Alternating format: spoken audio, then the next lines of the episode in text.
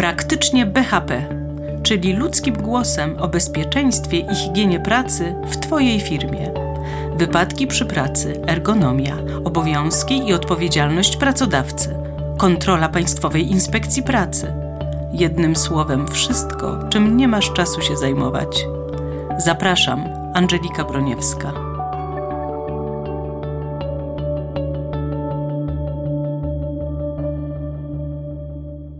Dzień dobry Państwu. Naszym gościem i ekspertem jest dzisiaj pan Włodzimierz Biel, specjalista do spraw bezpieczeństwa behawioralnego, międzynarodowy inspektor BHP, specjalista do spraw ochrony środowiska, niezależny konsultant, audytor i trener. Cieszę się, że znalazł pan dla nas czas. Dziękuję bardzo. Dzień dobry, witam. Od ilu lat zajmuje się pan bezpieczeństwem behawioralnym? No, to zależy. Jeśli chodzi o praktykowanie, to będąc kierownikiem w wieku 27 lat, to będzie już ponad 30 lat.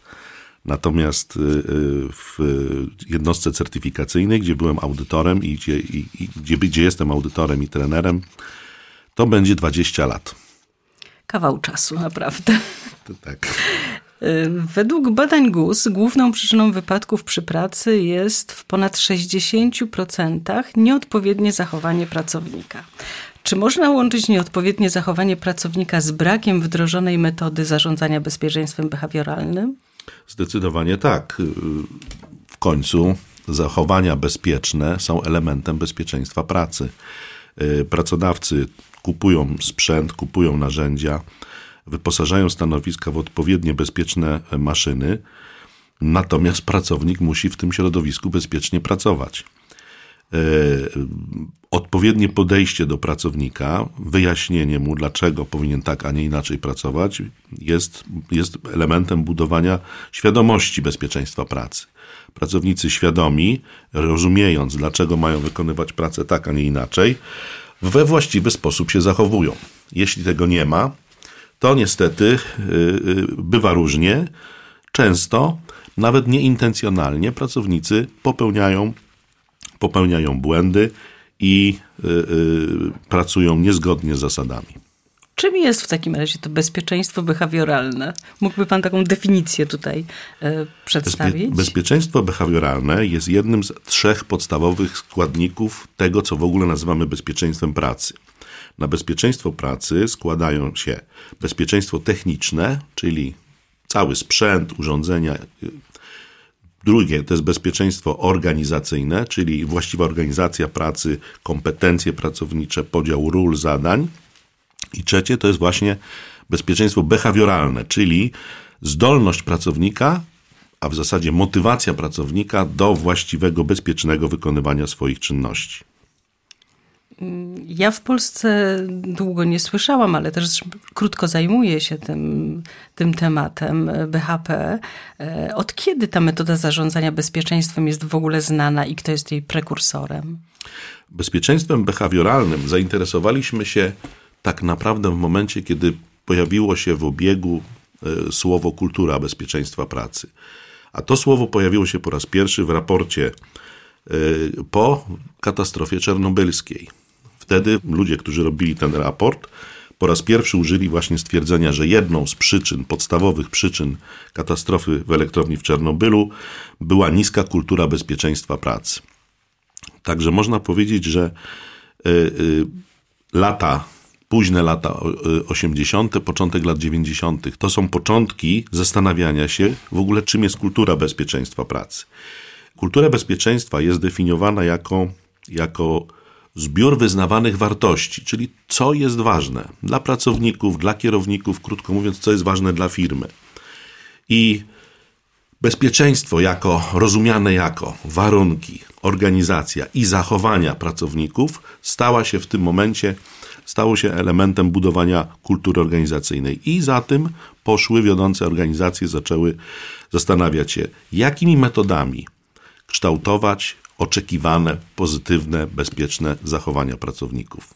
czy to jest rozpowszechniona metoda w Polsce? Bo rozumiem, że pan spotyka się głównie z dużymi lub średnimi przedsiębiorstwami, zakładami pracy. Jak pan sądzi, czy to dotyczy też e, tych mniejszych e, pracodawców? To dotyczy każdego, dlatego że można by powiedzieć, że e, zarządzanie bezpieczeństwem behawioralnym zaczynamy jako rodzice z własnymi dziećmi. A więc y, wystarczy, że jestem, y, mam, jestem, mam jakiś, jakiś talent, założyłem firmę i zatrudniam pierwszego pracownika. Od tego momentu zaczyna się zarządzanie bezpieczeństwem jego zachowaniami. A więc y, jako taka nie, nie ma bezpieczeństwo behawioralne, nie jest jakąś opisaną techniką, metodologią. Bezpieczeństwo behawioralne jest raczej sztuką, umiejętnością mógłbym powiedzieć, to jest kompetencja. Tak jak mamy kompetencje rodzicielskie, jedni potrafią wychować dzieci, inni, innym to idzie gorzej. Tak samo mamy pracodawców, którzy potrafią przekonać, potrafią zachęcić, potrafią pokazać powód, dlaczego tak, a nie inaczej należy wykonywać jakieś prace. Czyli jak najbardziej. Znaczy, wychowując dzieci, mamy oczywiście plastyczny materiał, tak to nazwę, czyli dzieci to jest ktoś, kto rośnie, rozwija się i jesteśmy jego przewodnikiem, e, jeśli potrafimy to właśnie robić, tak jak pan słusznie zauważył. Mhm. Ale czy jest łatwo zmienić zachowanie dorosłego człowieka, pracownika? Nie jest łatwo. Dlaczego? Dlatego, że yy, bo nie potrafimy tego zrobić. Ale zdecydowanie nie jest, nie jest to proces łatwy. Yy, inaczej, inaczej wygląda wychowywanie, tak jak pani powiedziała, inaczej podchodzimy do dzieci, natomiast podejście do, e, do dorosłego człowieka musi być inne. Nazywa się to edukacją dorosłych, używa się innego języka, używa się innych argumentów. Więc tak jak powiedziałem, to jest sztuka, jest to umiejętność, tylko niestety dzisiaj bardzo rzadko spotykana i, tak jak pani powiedziała, dość rzadko promowana jako, jako element, na który trzeba zwracać uwagę, kiedy y, przyjmuje się pracowników. Że do pracowników nie wolno podchodzić jak do, jak do maszyn, typu włączysz, wyłączysz, tylko do człowieka się podchodzi inaczej. No ja właśnie mam takie, takie spostrzeżenie e, porów poprzez porównanie. Nie wiem, czy pan to potwierdzi, bo pan myślę, że ma większe doświadczenie e, również e, zagraniczne e, z obserwacją, w jaki sposób ta kultura bezpieczeństwa jest za granicą, w jaki sposób mhm. jest traktowana w Polsce. Ja mam wrażenie, że w Polsce traktuje się lekceważąco bezpieczeństwo pracownika, ale nie chodzi mi nawet tyle o pracodawców, co o samych pracowników. Taka jest moja obserwacja. Mhm może być w tym, znaczy jest w tym dużo prawdy. Wynika to z tego, że zapominamy, wprowadzając pracownika e, w środowisko pracy, tam gdzie będzie pracować, zapominamy o kilku podstawowych elementach. Zapominamy przede wszystkim e, poinstruować go o ryzyku, o zagrożeniach, co się może mu wydarzyć. Brak tej wiedzy powoduje, że dla osoby patrzącej z boku, no wygląda to tak, jakbyśmy rzeczywiście mieli do czynienia z kimś, kto lekceważy bezpieczeństwo. Z mojego doświadczenia audytorskiego, znakomita większość niebezpiecznych zachowań wynika z tego, że pracownik nie został właściwie poinformowany, poinstruowany.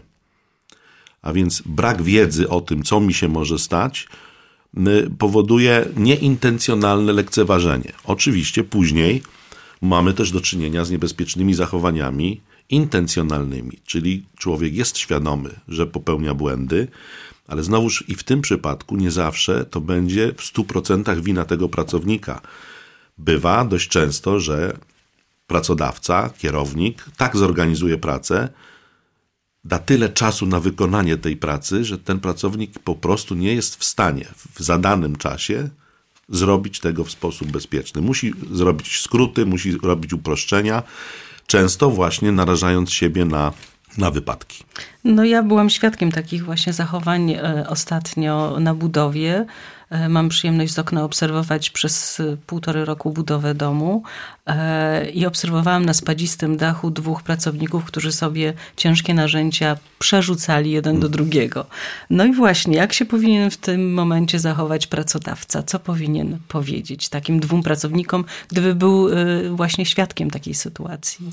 Podejście behawioralne, czyli jak kształtować bezpieczne zachowania, polega na tym, żeby właśnie nie powiedzieć temu pracownikowi, co się miało stać, tylko jego się zapytać, jak myślisz, co się tobie mogło stać. Istota, istota oddziaływania na dorosłych polega na tym, że my mamy już doświadczenie, mamy swoje, swoje, swój bagaż wiedzy na temat życia.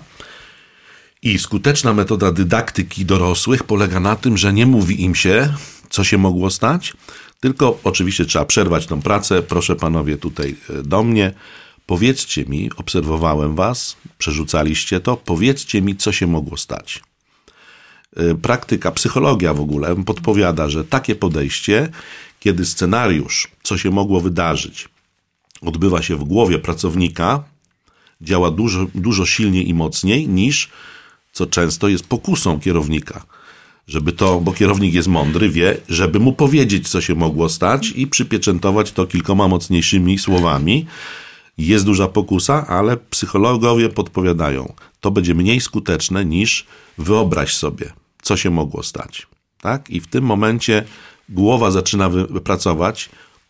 Tak działają też, tak działają też e, reklamy lub e, e, towarzystwa, które sprzedają nam ciekawe produkty na spotkaniach towarzyskich.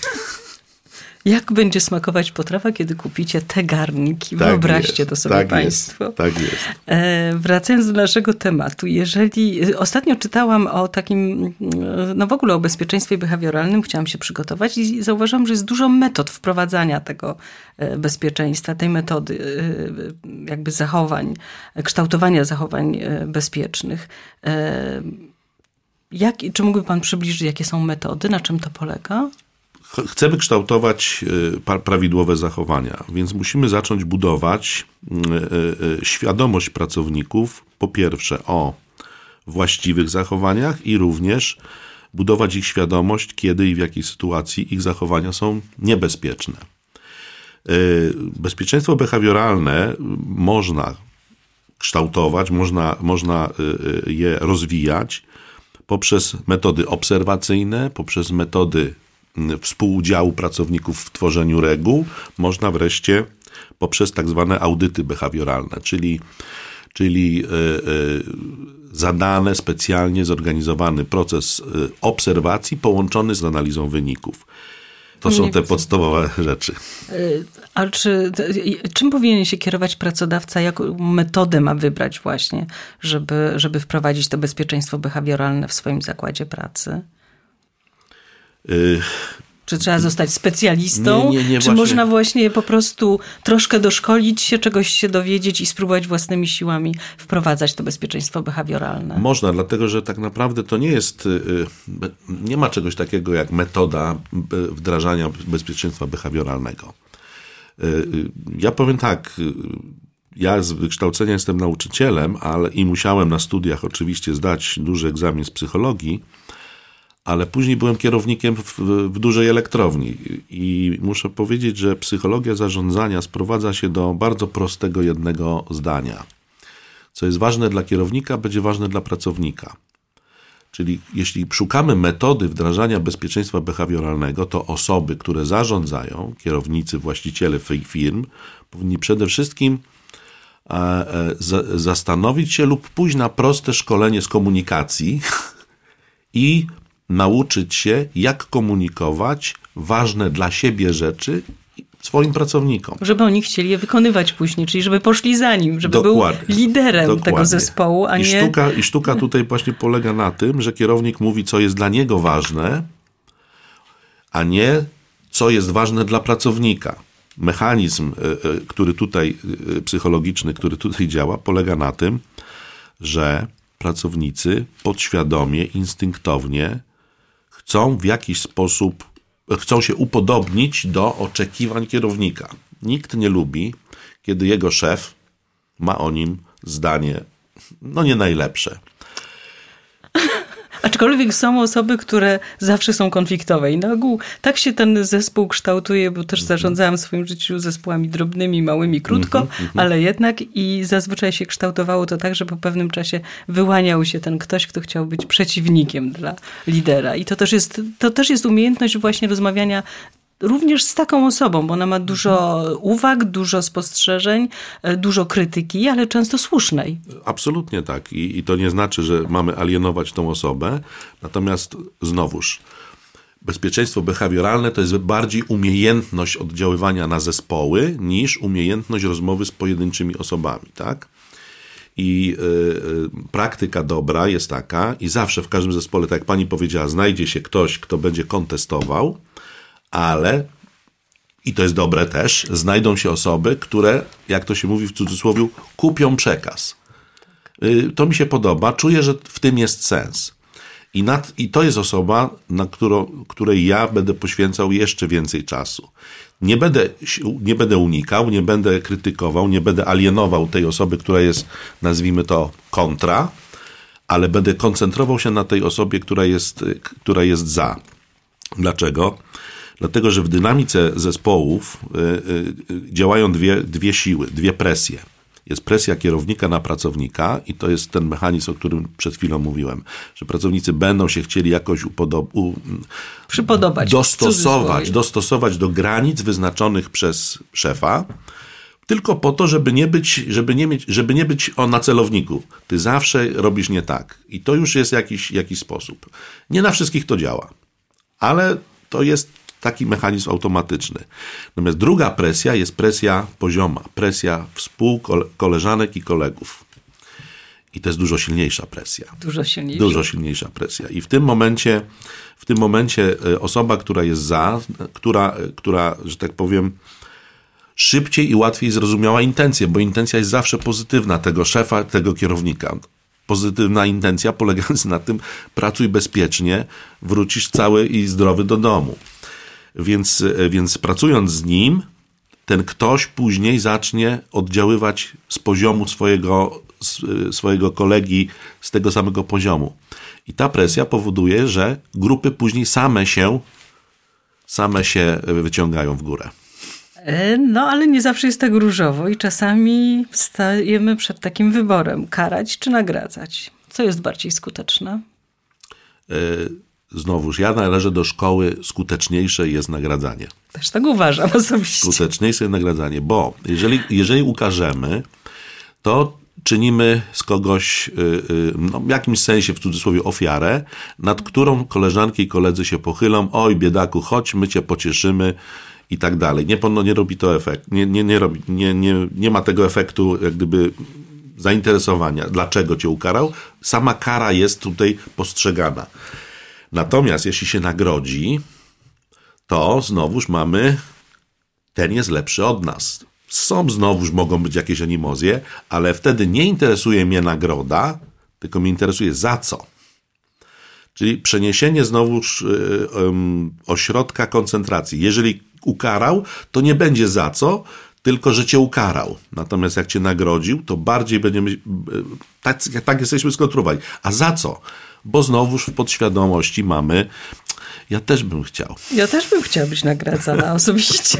Dlatego to wybieram. Mhm. Według eksperymenta Dowa Zohara, który badał skuteczność zarządzania bezpieczeństwem poprzez obserwację zachowań, liczba zachowań probezpiecznych w czasie trwania tego eksperymentu wzrosła od 25 do 50%. Ale co ciekawe, rosła znacząco również po zakończeniu tego eksperymentu, nawet do 70%. Czy to jest rzeczywiście aż tak skuteczna metoda w naszych polskich warunkach? Myślę, że to jest kwestia normalnego zachowania się człowieka. Dobrze. Jeżeli patrzy się, ja, chociaż, chociaż znam takie powiedzenie, że liczba błędów popełnianych przez ludzi jest wprost proporcjonalna do ilości oczu, które się na tą czynność jego patrzą. Coś w tym jest. Więc im więcej ludzi się patrzy, tym, tym, tym jesteśmy skłonni bardziej popełniać błędy. Niemniej jednak, w eksperymencie Zohara, czyli w ogóle w obserwacji procesu pracy, jest pełna świadomość. To się nie robi z zawęgła, jak to się mówi. Nie robi się to w sposób skryty. Tylko w tym momencie buduje się też pewną mobilizację u osób obserwowanych.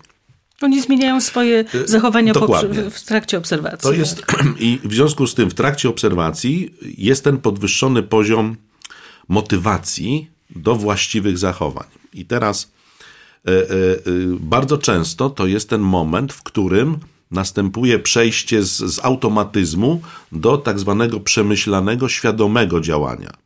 Jeżeli ja to przemyślę i w tym momencie nastąpi tak zwana wow, no popatrz, rzeczywiście to mogło tak być, to sami się przekonujemy. Czyli proszę zauważyć, że to jest tylko obserwacja. Nikt nikogo tam jeszcze nie, nie, nie, nie łajał, nie instruował. Sam fakt obserwacji wpływa na co? Że człowiek sam zaczyna myśleć o tym, co robi. Zaczyna sam siebie krytykować, zastanawiać się, co będzie wynikiem tej obserwacji, której jest poddany. Zgadza prawda? się, zaczyna analizować. Tak. Bywa też, że po, po, w takich, w takich y, procesach obserwacji odkrywa się le, me, lepsze metody, łatwiejsze metody, ale również bezpieczne. To jest element doskonalenia, że tak powiem, sposobu wykonywania czynności. Czy bezpieczeństwo behawioralne jest taką metodą wprowadzania bezpieczeństwa tylko dla dużych przedsiębiorstw? Nie. Myślę, że mówimy o, bez... mówimy o nieodłącznej części bezpieczeństwa, czyli bezpieczeństwo techniczne, organizacyjne i, za... i zachowania behawioralne. Jeżeli mamy chociaż jednego pracownika, wszystkie trzy komponenty muszą być spełnione, żeby mówić o bezpieczeństwie w ogóle w pracy. Więc nie, to jest, to jest coś nieodłączne. Sądzę, że mówimy o bezpieczeństwie behawioralnym, dlatego że dzisiaj jest to największe wyzwanie, największa, jest to najczęstsza przyczyna wypadków, które są. I, I, tak naprawdę dzisiaj jest era człowieka w bezpieczeństwie. W latach 60., 70. ubiegłego stulecia mieliśmy erę techniczną, później weszliśmy w erę organizacyjną, czyli jak zorganizować bezpiecznie pracę. Dzisiaj jesteśmy w erze człowieka. Jednym z elementów jest poznanie motywacji, dlaczego tak się zachowujesz, a nie inaczej. Dlaczego pracodawca, który opracował instrukcję, kupił narzędzia, kupił sprzęt, Środki ochrony Środki osobistej. ochrony osobistej. Wszystko zrobił, żeby pracował bezpiecznie, a on dalej nie chce pracować tak, jak należy.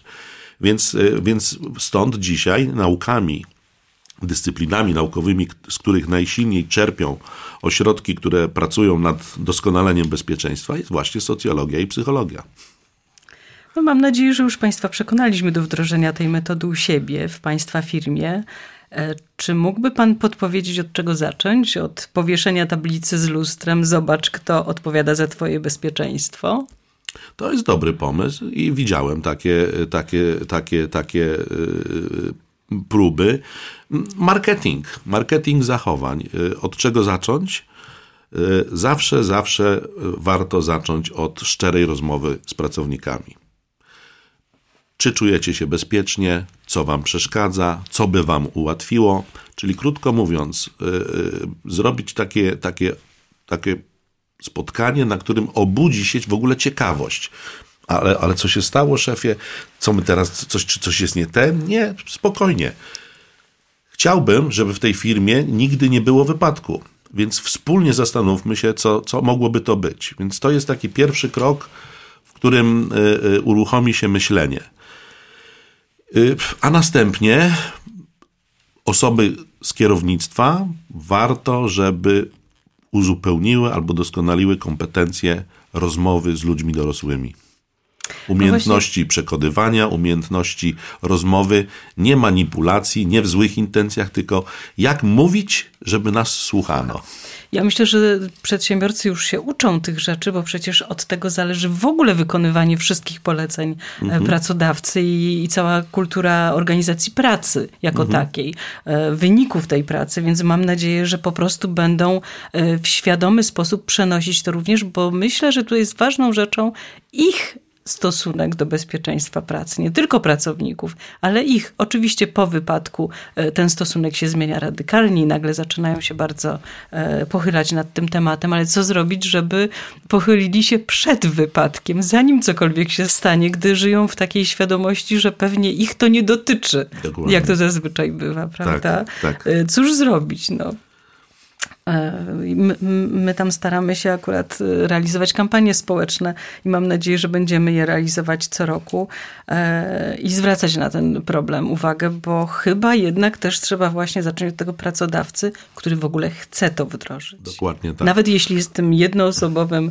dwu, trzyosobowym pracodawcą. Przerażające, wie pani, jest to, jak kiedyś rozmawiałem kilka razy miałem w, his, w historii takie spotkanie z, z, dyrektorami firm i pytałem się, dlaczego wdrożyliście system zarządzania bezpieczeństwem. I przerażające było to, że właśnie tym powodem, który zmienił nastawienie pracodawcy do bezpieczeństwa, był tragiczny wypadek. I dopiero to. Ale chcę powiedzieć, że, że to nie tylko kwestia jest dużych firm e, e, i żeby, żeby zbudować e, świadomość bezpieczeństwa pracy. Mamy, mamy na rynku dostępne wspaniałe, napisane co prawda w sposób skondensowany, ale jednak podręczniki budowania właściwego, właściwych, właściwych zasad bezpieczeństwa.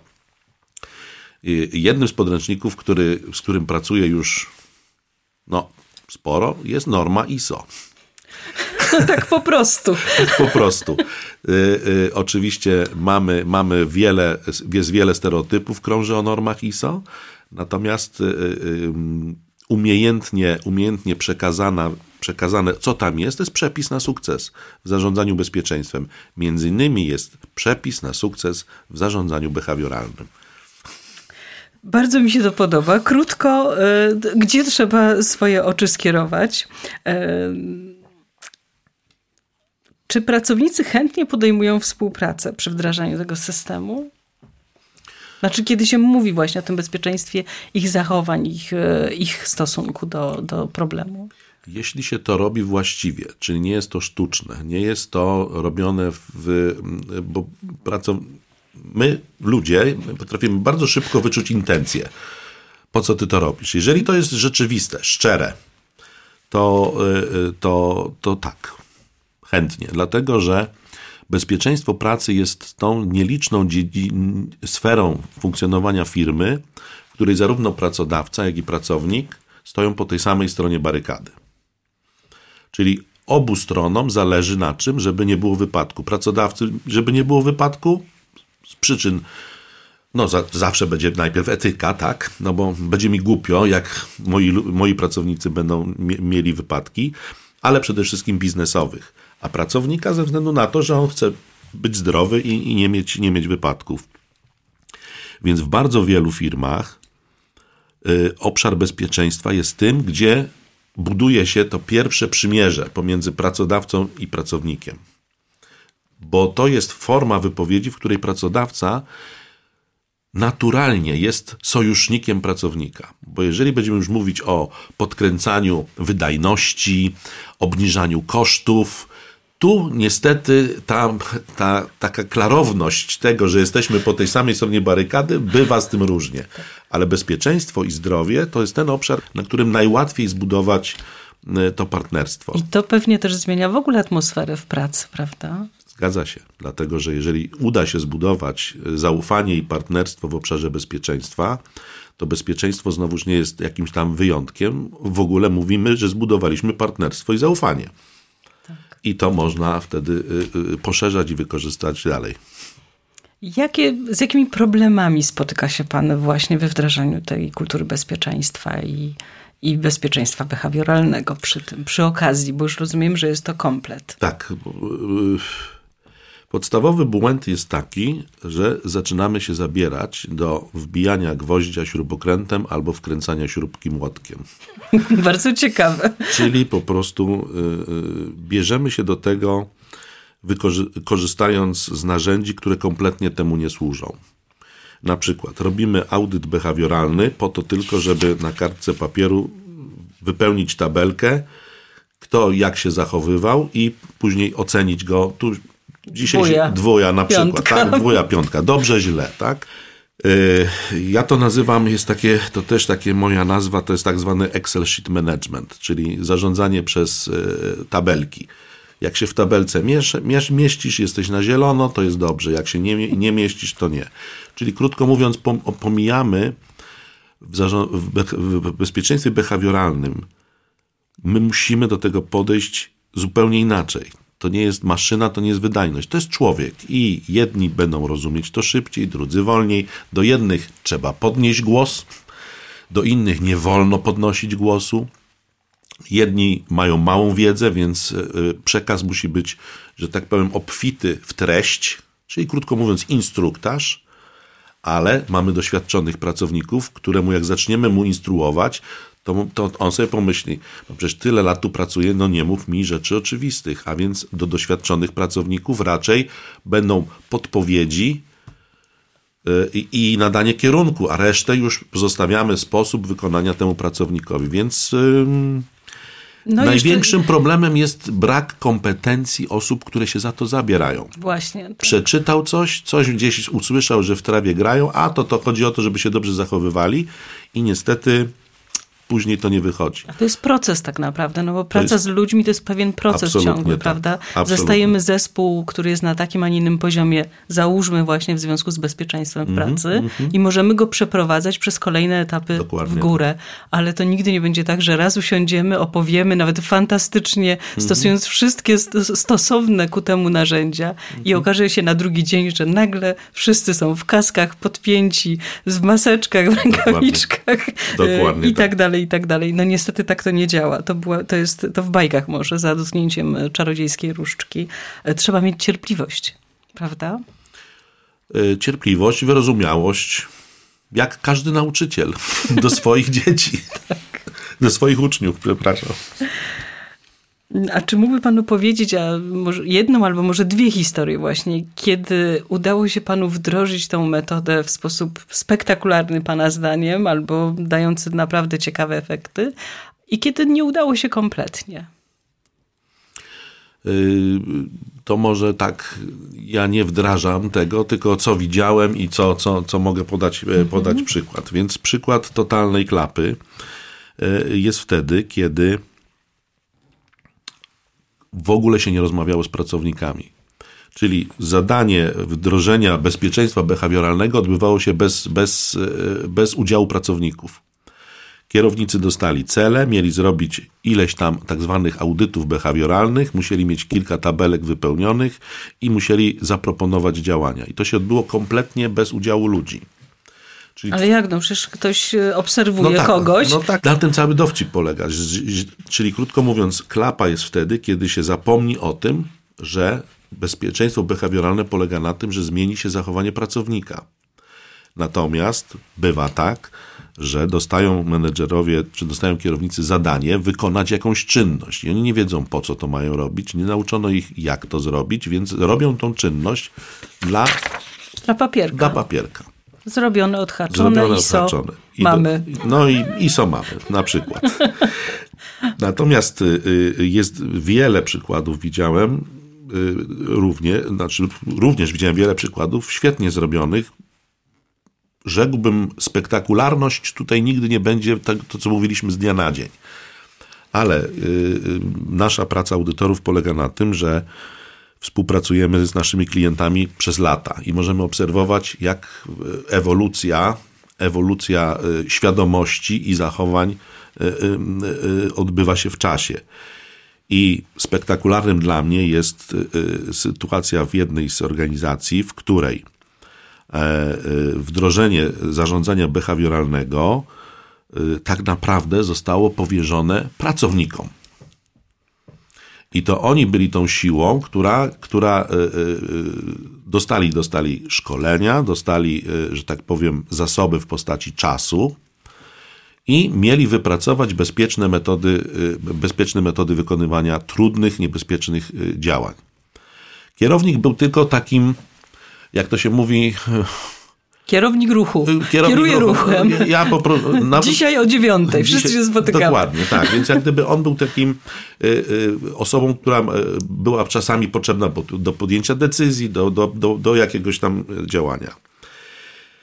Efekt był taki, że po trzech, czterech latach sami pracownicy się pilnowali. Przychodził ktoś nowy na przykład do pracy, Formalnie kierownik przeprowadzał instruktaż stanowiskowy, wszystkie te formalne rzeczy były zrobione, natomiast pracownicy już sami wychowywali sobie koleżankę czy kolegę do reguł, które oni ustanowili. Dlatego, że oni nic, mieli. Nic lepszego nie oni, słyszałam. Oni, oni po prostu czuli się odpowiedzialni za to, co zrobili.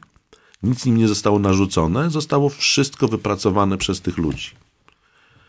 To jest, to, jest, to jest cierpliwość, oczywiście. Cztery lata, to, to jest, też trzeba sobie powiedzieć, tak, że właśnie to jest To są cztery lata, proces, to jest, to jest cierpliwość, ale, ale... Sukces. Ale sukces. Ja ostatnio czytałam w miesięczniku Atest y, Ochrona Pracy pana artykuł i wydaje mi się, że ukuł pan zupełnie nowe pojęcie w BHP czarnych łabędzi BHP. Czy mógłby pan słuchaczom opowiedzieć o tym? Y, no więc y, chciałbym od razu, y, że tak powiem, powiedzieć, że to nie jest mój pomysł, jeśli chodzi o Czarnego Łabędzia, bo Czarny Łabędź to jest tytuł książki i pojęcie wprowadzone przez libańskiego filozofa, pana Nazima Taleba, który napisał książkę właśnie o czarnych łabędziach, czyli o zdarzeniach, które są absolutnie nieprzewidywalne, a które, a które mają ogromny wpływ na na, y, na, ży, na życie ludzi czy na, na, na życie firm. Takim czarnym łabędziem była, dalej jest przecież, pandemia covidowa, która zmieniła całkowicie y, życie wielu ludzi, y, życie wielu firm i wywróciła ekonomikę, ekonomię, ekonomię na całym świecie. Toczącym się czarnym łabędziem jest wojna w Ukrainie. Absolutnie po, po, pozmieniało się wszystko, prawda? I Y, y, pan Naz y, w książce Nazima Taleba mamy rozwiniętą właśnie filozofię czarnych łabędzi jako zdarzeń, które się na krzywej Gaussa znajdują na tych skrajnościach. Czyli w ogóle, się tym nie, w ogóle tym się nie przejmujemy, ale jeżeli to wystąpi, to wtedy jest tragedia. No, mi to od razu się spasowało do budowania pewne, do ciekawego sprzedania, czy do ciekawego opowiedzenia o ciężkich i śmiertelnych wypadkach. Bo jak się mówi o śmiertelnych wypadkach, to się jakoś tam. Jest to ciekawe opakowanie, tak naprawdę. Coś, co może trafić, dlatego że trafić do wyobraźni ludzi, dlatego że czarny łabędź BHP to jest sytuacja, w której dzisiaj jestem zdrowy, mam, dwoje, mam dwie nogi, mam dwie, dwoje oczu, widzę, jest wszystko ok. I nagle o 15 zdarza się wypadek. I następnego dnia jestem na wózku albo, tak albo nie widzę, tak? tak? I czarny łabędź jest taką metaforą, która jak gdyby y, y, y, motywuje czy, czy skłania do refleksji nad czymś, nad czym tak naprawdę my nie myślimy. Raczej planujemy wakacje, raczej planujemy, gdzie pójdziemy do kina, czy na, na przyjemne rzeczy planujemy, i to też jest dobre i naturalne. Nikt, w zasadzie zdrowy człowiek, nie powinien żyć, z, z, żyć na co dzień z maksymum memento mori. Oczywiście. Niemniej jednak od czasu do czasu warto, warto sobie... W niektórych zawodach przed przystąpieniem do pracy, Dokładnie bym powiedziała, tak. należy. Dokładnie tak. tak. Czyli, czyli, y, czyli cała koncepcja czarnych łabędzi w BHP jest próbą y, y, zaciekawienia, zwrócenia i skłonienia do refleksji, co by to mogło być, tylko po to, żeby wywołać pewien poziom emocji różnych y, i zastanowić się, co tu zrobić. Aby na... uniknąć tego czarnego scenariusza. Dokładnie. Tak, prostu, dokładnie tak abyśmy, abyśmy nie musieli się zastanawiać, jak e, kto wychowa nasze dzieci i kto zarobi na ich utrzymanie, dopóki nie skończą szkół. Pewnie tak. Proszę Państwa, może zróbmy ten niewielki ruch. Znajdźmy lustro w naszej firmie i powieśmy przy nim odpowiednią tablicę. A potem spójrzmy w to lustro i podejmijmy odpowiednie decyzje. To jest metoda zarządzania bezpieczeństwem, którą warto uwierzyć i wdrożyć ją, a wszystko zaczyna się od podjęcia decyzji. Naszym gościem i ekspertem był dzisiaj pan Włodzimierz Biel, specjalista do spraw bezpieczeństwa behawioralnego, międzynarodowy inspektor BHP, specjalista do spraw ochrony środowiska, niezależny konsultant, audytor i trener. Bardzo panu dziękuję za przybycie Również do studia. serdecznie dziękuję za zaproszenie. Do usłyszenia do państwu. Usłyszenia. Ty też możesz zostać partnerem podcastu. Może jest temat, który cię interesuje Borykasz się z problemami w zakresie BHP i nie możesz znaleźć nigdzie odpowiedzi, jak sobie z nimi poradzić? Spróbujemy Ci pomóc. Napisz do nas na adres biuromałpaipomocni.pl Jeśli podoba Ci się to, co robimy, wesprzyj nasze działania. Jesteśmy na patronite.pl ukośnik fundacja i pomocni.pl. Każda wpłata jest jak głos za Potrzebujemy tego jak wody i powietrza. To dodaje nam sił. Pozdrawiam i do usłyszenia. Podcasty stanowią część kampanii Bezpieczeństwo czy szaleństwo.